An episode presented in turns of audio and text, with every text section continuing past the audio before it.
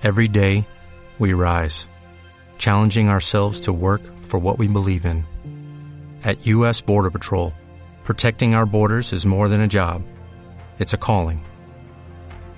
Agents answer the call, working together to keep our country and communities safe. If you're ready for a new mission, join U.S. Border Patrol and go beyond. Learn more at cbp.gov/careers. Benvinguts a Ràdio Vegas. Ona Educativa, amb Carles Baeza.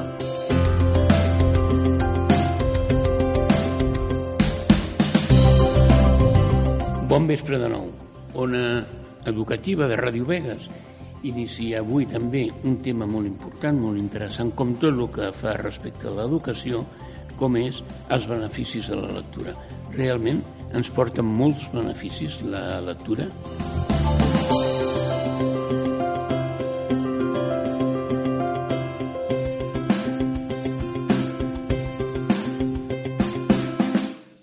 Estàs escoltant Ràdio Vegas. Avui també contem amb la presència de l'Estela Montalvo, mare, i de l'Antoni Joan Pons, director de l'Institut de Vegas. Bona tarda. Bona tarda. Bona tarda. Fa uns dies ens vam trobar aquí i avui tornem de nou per parlar dels beneficis de, de la lectura. Ens diuen els experts que al marge de contribuir al desenvolupament d'aprenentatge de l'hàbit de, l'hàbit de la lectura redueix l'estrès i que ens ajuda a agafar el son, potenciar la seva empatia. Considereu que això és així? El tema de la lectura eh, a mi és un tema que sempre m'ha interessat especialment, soc professor de llengua i literatura i ja quan treballava a Gavà era un tema que havíem treballat i que havíem mirat com podíem millorar-lo.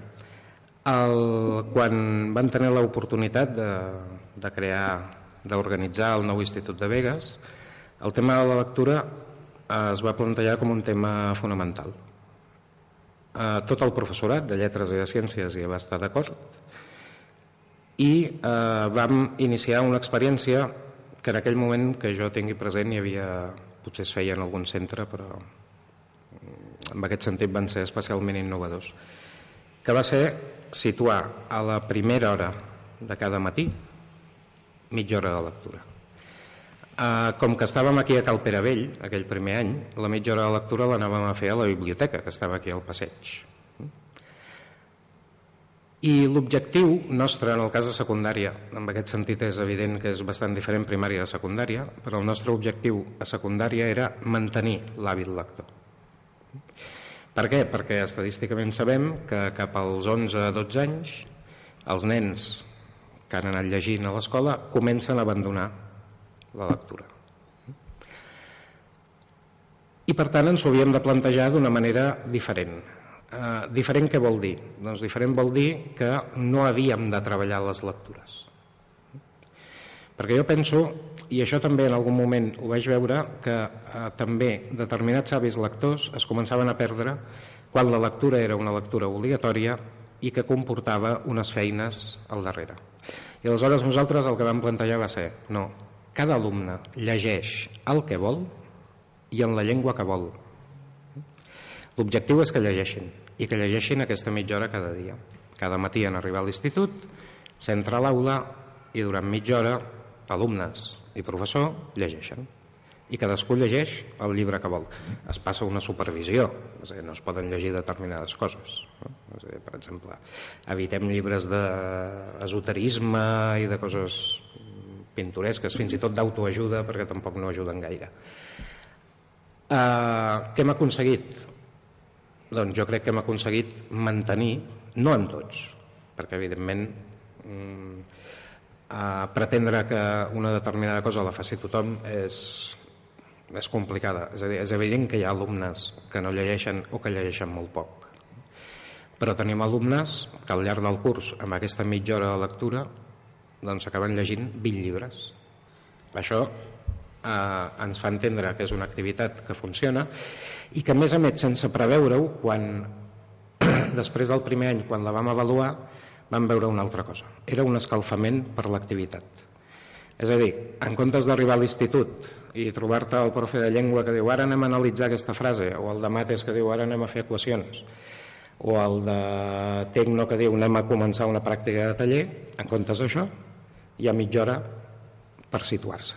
I si això arribem al final del dia i aquesta mitja hora que hem començat el, la, la tasca laboral de l'estudiant a l'escola, la continuem a casa, també seria molt profitós, no? És curiós, perquè parlam de la, de la capacitat d'activar la ment, però també diem, has dit al començament Mm -hmm. que per, per agafar, la, Reduir. agafar la son. Agafar la son, reduir l'estrès.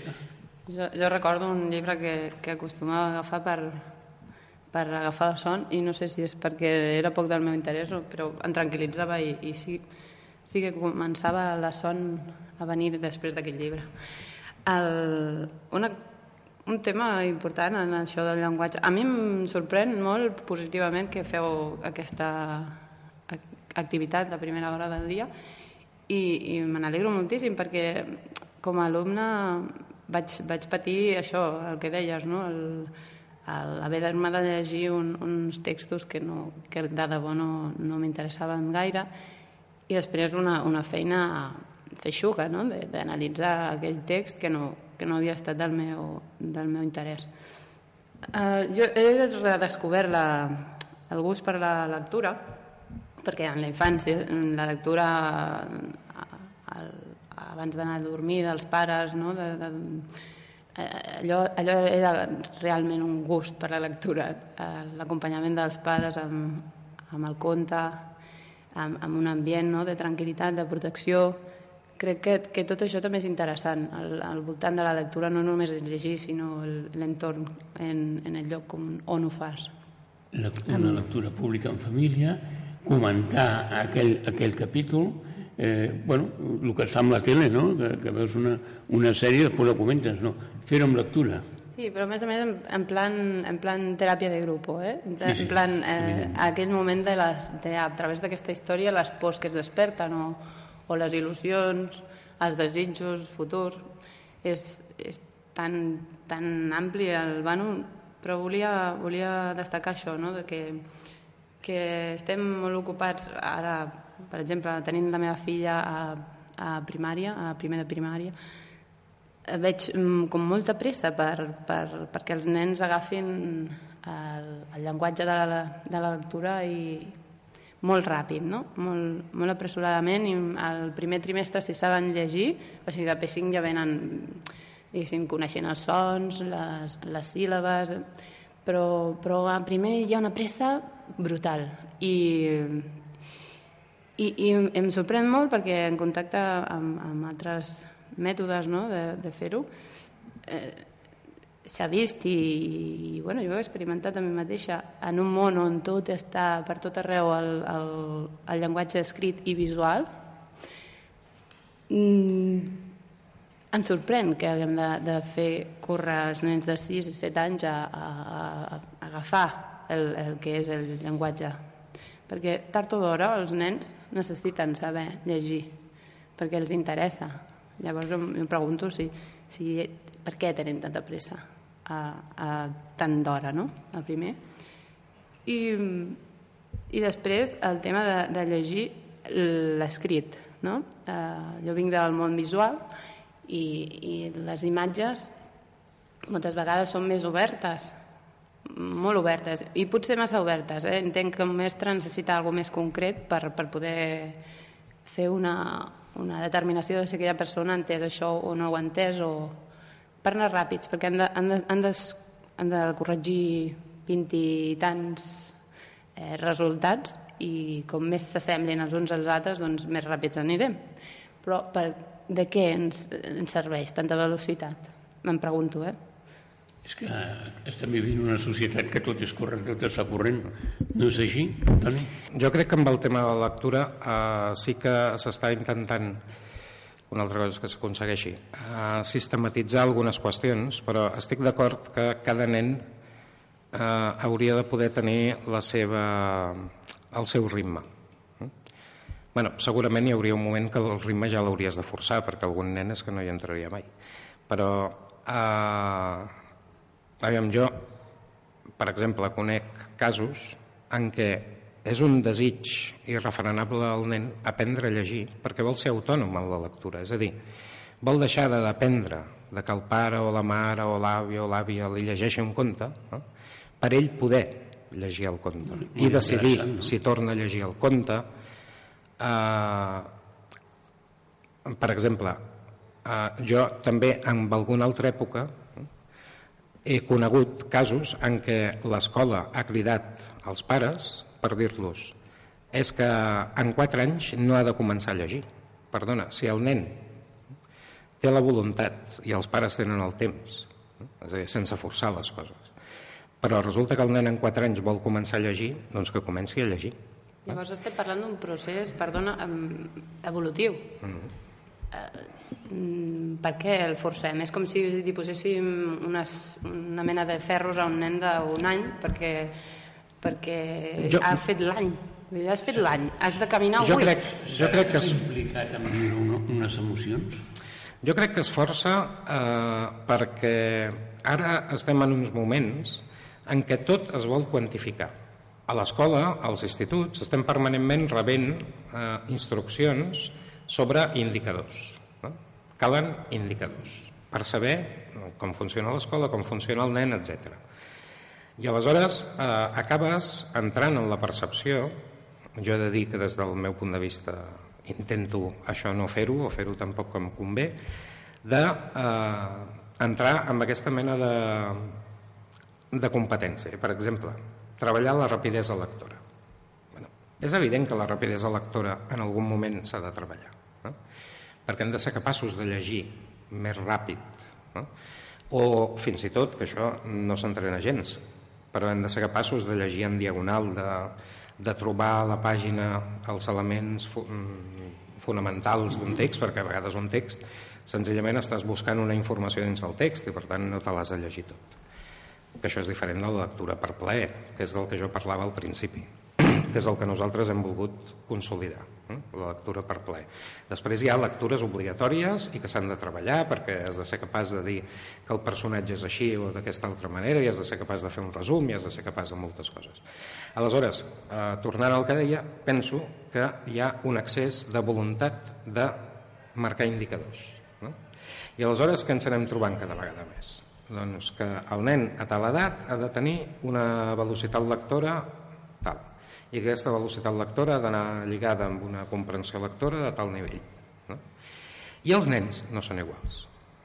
No? Tots els nens són diferents. Cada, cada nen té el seu ritme, té les seves possibilitats, tindrà l'ambient que tindrà a casa. No? Per exemple, és important el tema aquest de que els pares llegeixin als nens és important perquè els hi desperta la curiositat no? el nen eh, jo m'imagino l'experiència d'un nen quan li estan llegint i comença a ser conscient d'allò és que el, el pare veu uns dibuixets es, en un paper no? i els interpreta i a partir d'aquells dibuixets li explica una història no? és una cosa fascinant no?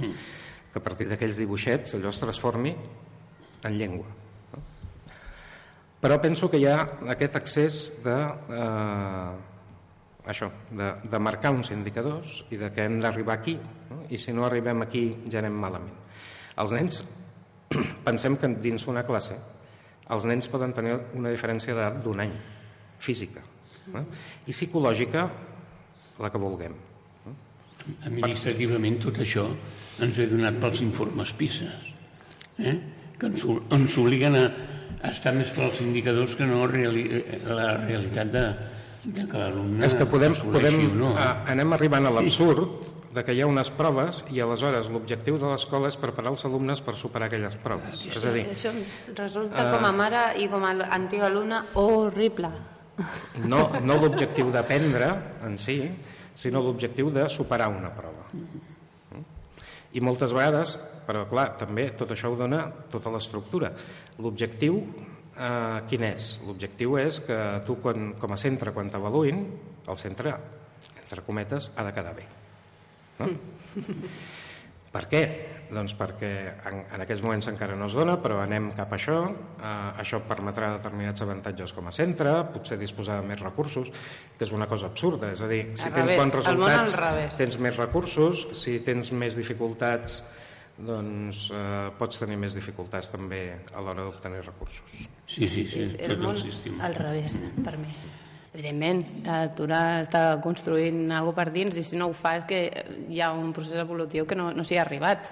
per, això, per això encara més mm, s'ha d'esperar que hi hagi aquest esperit de, de voler-ho de voler adquirir, aquest, aquest llenguatge i d'estar de, d'estar preparat, perquè si ho vols és perquè ja estàs preparat, no? No fas una pregunta fins que no estàs preparat per rebre una resposta. Mm, és eh, anar dient una cosa abans de que, de que es pugui ser assolida. Deia que les proves, tant les proves com preguntes que puguin venir de fora, és, a mi em semblen com, o sospito, que poden ser més un parany, no? Sí que, sí que estem obligats a dir, a, a, a quantificar. Doncs aquesta persona està evolucionant de tal manera, bueno, fa poc era evoluciona adequadament, no? I ara tornem a... Progressa. Progressa, progressa. Jo I volia dir millorar. evolucionar. Progressa adequadament necessita millorar. Necessita millorar. Eh, tornem als, als números i a, i, a, i a les coses molt tancades perquè el que, estan, el, que, el que està analitzant aquests números sospito que està només eh, fent sumes i restes, vull dir que, que es, eh, es tradueix en diners, per tant en recursos, com deies, que per mi és aberrant.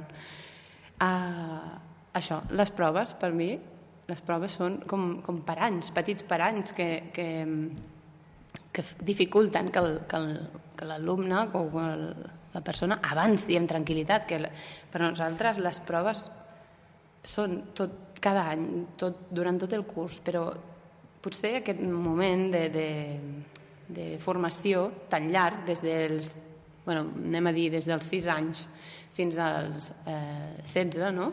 Són 10 anys.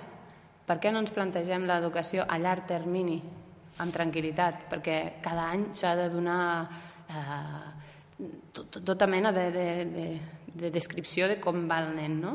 És clar que, és- que s'ha de fer un, com una mena de memòria, no? En quin moment ha pogut passar alguna cosa, però aquestes quantificacions mai tenen en compte no? en algun informe està passant per un moment difícil, té la família de tal forma o té algun moment clau eh, de forma, en la seva vida familiar que, que no l'acompanya, doncs anem a respectar-li això. No sé si en els informes es pot arribar a col·locar una cosa així, no? De, donar-li el marge de, de, els 10 anys de, de, de, que arriba, que, en el que pot progressar aquesta persona adequadament, però molt a llarg termini. En, en les qüestions aquestes d'avaluar i de, de, de convertir uns resultats en xifres, eh, sempre hi ha qüestions molt relatives. Jo recordo que una vegada em plantejaven eh, què faries tu com a professor de llengua per millorar els resultats de selectivitat de llengua catalana? I jo vaig dir canviar l'examen. Perquè el que em plantejaven era millorar els resultats d'un examen. Per tant, si vull tenir millors resultats en un examen, la manera més fàcil és canviar l'examen. Això es fa, i es fa habitualment, i es fa en les proves de competències bàsiques. És a dir, quan una competència bàsica no funciona, canvien la prova. En comptes de fer al revés, que és que la prova em serveix per comprovar que aquella competència no l'estem treballant bé o no estem aconseguint els resultats que volem, en comptes d'això, el que faig és canviar la prova. No? Aleshores, canvio la prova i els resultats són millors. No?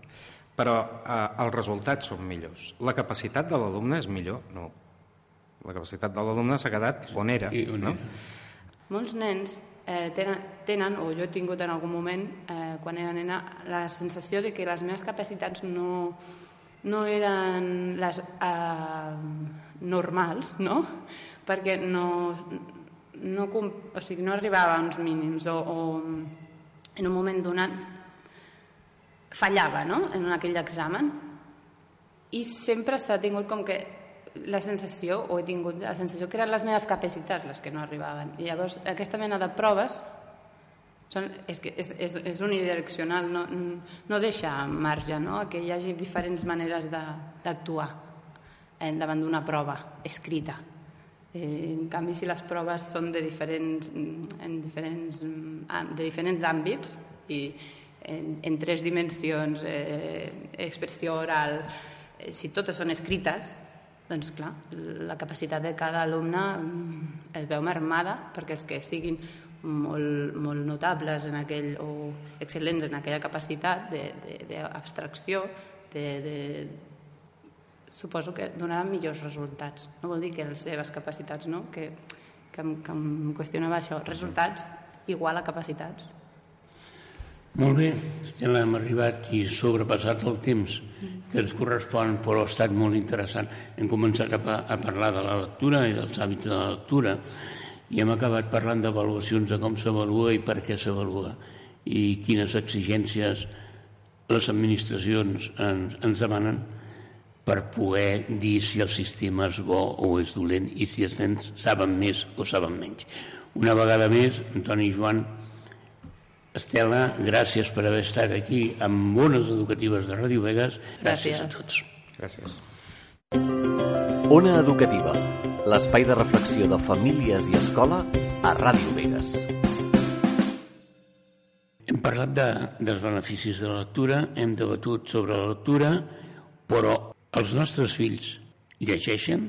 Això ho tractarem amb la Carla Bueno i Blanca Bailac, que són alumnes del Col·legi de Sant Lluís.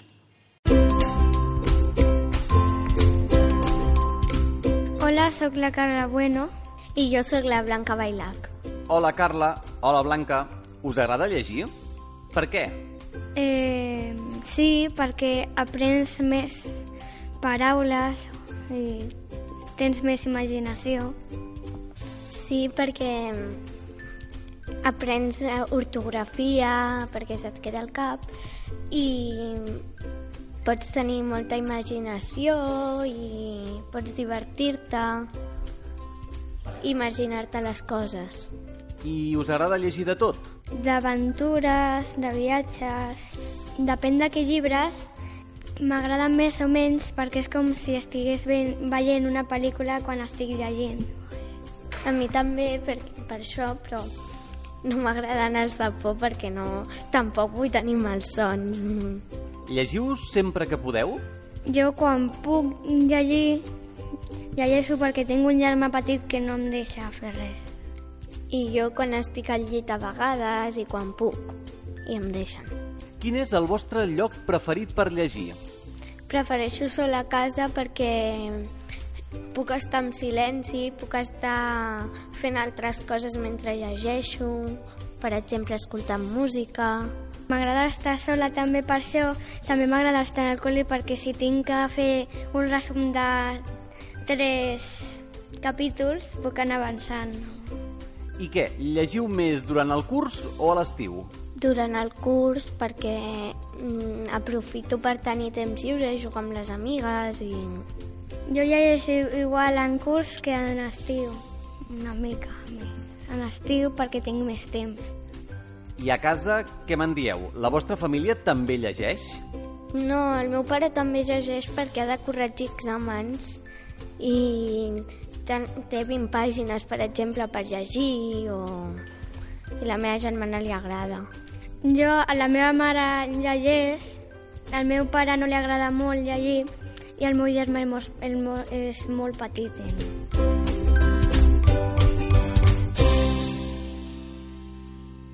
Soc la Carla Bueno i us envio una salutació des de Ràdio Vegas. Soc la Blanca Bailac i espero que us hagueu passat bé. Ona Educativa, l'espai de reflexió de famílies i escola a Ràdio Vegas. Bé, ja de nou arribem al final dels nostres programes. El programa d'avui ha estat tractat els beneficis de la lectura, hem escoltat la veu dels alumnes i ara ja fins a la setmana que ve. Ona Educativa, amb Carles Baeza.